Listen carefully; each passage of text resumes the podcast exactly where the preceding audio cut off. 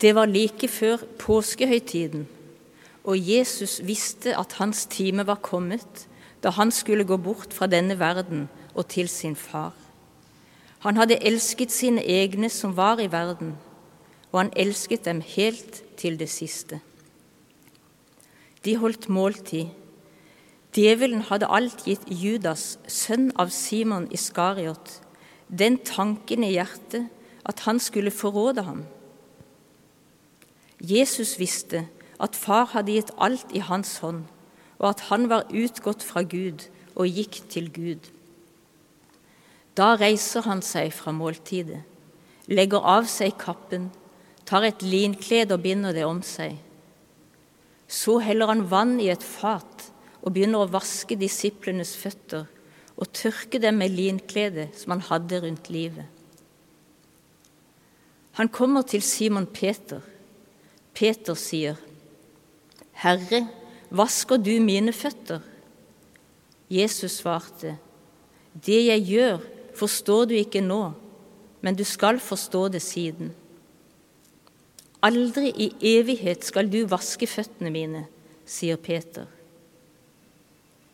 Hvis jeg ikke vasker deg, har du ingen del i meg, svarte Jesus. Da sier Peter, Herre, ikke bare føttene, men hendene og hodet også. Jesus sier til ham, Den som er badet, er helt ren og trenger bare å vaske føttene. Dere er rene, men ikke alle. For han visste hvem som skulle forråde ham. Derfor sa han, Dere er ikke alle rene. Da han hadde vasket føttene deres og tatt på seg kappen, tok han plass ved bordet igjen. Så sa han til dem, Forstår dere hva jeg har gjort for dere? Dere kaller meg mester og herre, og dere gjør det med rette, for jeg er det. Når jeg som er Herren og Mesteren, har vasket deres føtter, da skylder også dere å vaske hverandres føtter. Jeg har gitt dere et forbilde. Slik jeg har gjort mot dere, skal også dere gjøre. Sannelig, sannelig, jeg sier dere, tjeneren er ikke større enn Herren sin, og utsendingen er ikke større enn Han som har sendt ham. Nå vet dere dette, og salige er dere, så sant dere også gjør det. Slik lyder det hellige evangelium. Nå vasker han føttene deres og tørker dem varsomt med kledet. Det er ømhet og omsorg i Edvard Hoems salme. Ikke på en klein eller klam måte. Hoem går ikke utenom lidelsen. Han skriver salmen inn i påskens drama. Det samme slår meg i fortellingen om fotvaskingen vi nettopp har hørt. Jesus hadde få dager tidligere blitt vist den samme ømhet. Maria hadde vasket føttene hans. Han sa at hun hadde salvet ham til hans død. Han visste at hans time var kommet. Dette er bakteppet for scenen vi er vitner til skjærtorsdag. Det er krisetid. Jesus er tynget av sorg. Angsten ligger like under overflaten. Det blir tydelig bare noen timer seinere når han roper til Gud og svetter blod i Getsemane. Men først vil han spise et siste måltid med disiplene. Jesus visste. Likevel valgte han kjærligheten til de andre, fellesskapet. Disiplene bare ante at atmosfæren var lada. Mange av oss har hørt eller lest denne fortellingen flere ganger. Men sammenhengen den leses i denne gangen, har sjelden vært så lada. I år er det ikke sånn at vi bare aner. For døden og ondskapen er kommet nærmere. Krigen i Ukraina er kommet inn i stuene våre. Og vi vet at den også overskygger grufull lidelse andre steder i verden. Vi har sett bilder og hørt historier som mange av oss knapt orker å ta inn. Fra et land i Europa. Millioner av mennesker er på flukt. Myndigheter, hjelpeorganisasjoner og kirker åpner opp og legger til rette.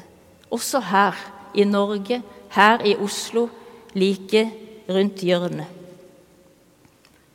Samtidig er mange blitt urolige og redde. Her. Det er naturlig. Det er ikke et tegn på svakhet. Det er et tegn på at vi trenger hverandre. At vi må søke trøst og snakke åpent med hverandre. At vi må invitere til felles måltider, så ikke mistillit eller mistenksomhet tar over. For tilliten trues i tider som dette. Vi har så lett for å ville hegne om vårt eget og ikke dele. Vi så tendensen under pandemien. Og samme tendens har vært en trussel i vårt eget land lenge før pandemi og krig. Nå er det skremmende å se Putins russiske nasjonalisme bli så brutal. Vi kan takke for at vi bor i et demokratisk land med frihet og ytringsfrihet. Men vi må verne om disse verdiene. De gir seg ikke sjøl. Vi må jobbe for å beholde dem. Å ha nasjonalfølelse er å være glad i landet sitt. Å være nasjonalist er også å være glad i landet sitt, men på bekostning av andre land. Det er en stor forskjell. Er vi våkne til å skjelne denne forskjellen? Den maner til å dyrke samhørighet og fellesskap, også over landegrensene. Men hva gjør vi som kirke og kristne når uroen for framtida tynger? Jeg har tenkt mye på dette i det siste, også fordi at jeg har kjent uroen på kroppen sjøl. Jeg vokste opp med Cuba-krisen og den kalde krigen og kjente meg ganske tett på, for min far var offiser i Forsvaret. Og nå har jeg måttet erkjenne at noe av den uroen fra den tida har kommet tilbake. Og midt i dette skulle jeg leve meg inn i fortellingen fra skjærtorsdag om fotvaskingen.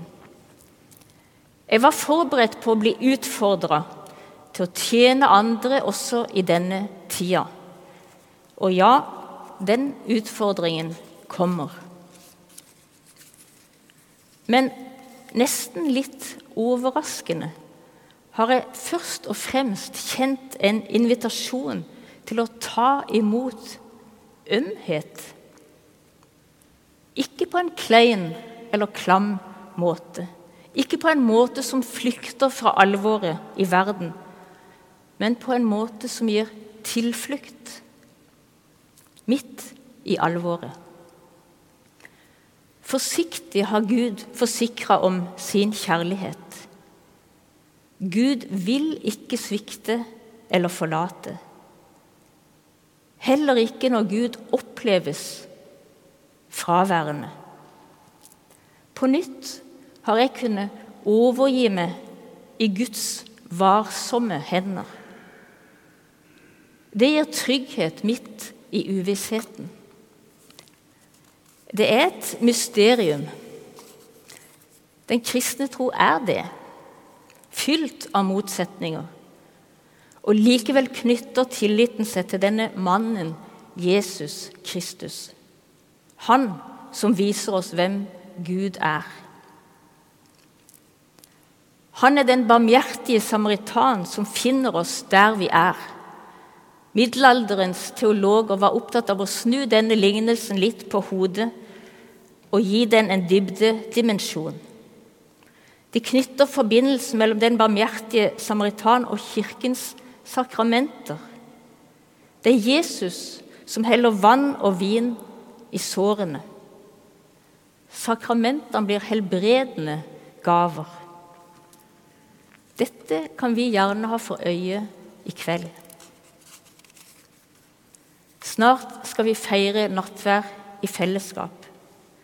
Der gir Jesus seg sjøl i brødet og vinen, til styrke og lindring. Det er han som gir seg sjøl på korset. Han som kan overvinne ondskapen. Jeg så en gang et bilde av et krusifiks der Jesu hender ikke var strakt ut sånn som vi pleier å se det, men der de var forma som om han holdt et barn varsomt. Jeg har fått hjelp av dette bildet i krevende tider sjøl, og jeg har sett det for meg når jeg ber for de som lider i Ukraina. Invitasjonen til å la Jesus bøye seg helt ned og vise omsorg gjelder oss alle. Vi er ikke fremmede for Gud. Gud vet hvor vi særlig trenger ømhet og omsorg.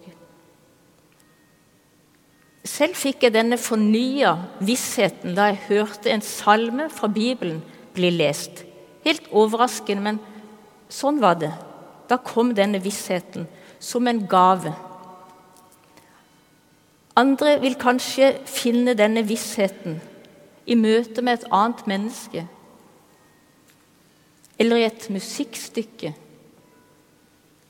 i stillheten eller ute i naturen.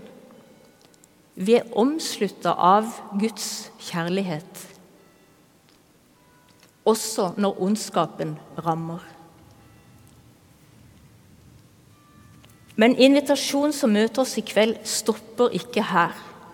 Vi som har fått tillit til Guds godhet, inviteres til å lære av Jesus i krisetider. Han som visste at framtida ikke er enkel. Han var ikke seg selv nærmest. Han lukka seg ikke inne og hegna om sin egen frykt. Han vendte seg ut mot de andre i kjærlighet.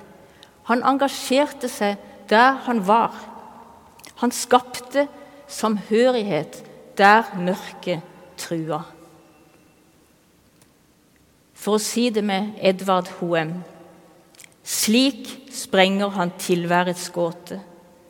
Han bur seg til møte med døden. Han tjener fordi han er herre. Han bøyer seg ned for å sone. Han førebur Gudsrikets orden. De siste skal være de første, den minste skal stå ved hans trone. Ære være Faderen og Sønnen og Den hellige ånd, som var, er og være skal, en sann Gud, fra evighet og til evighet. Amen.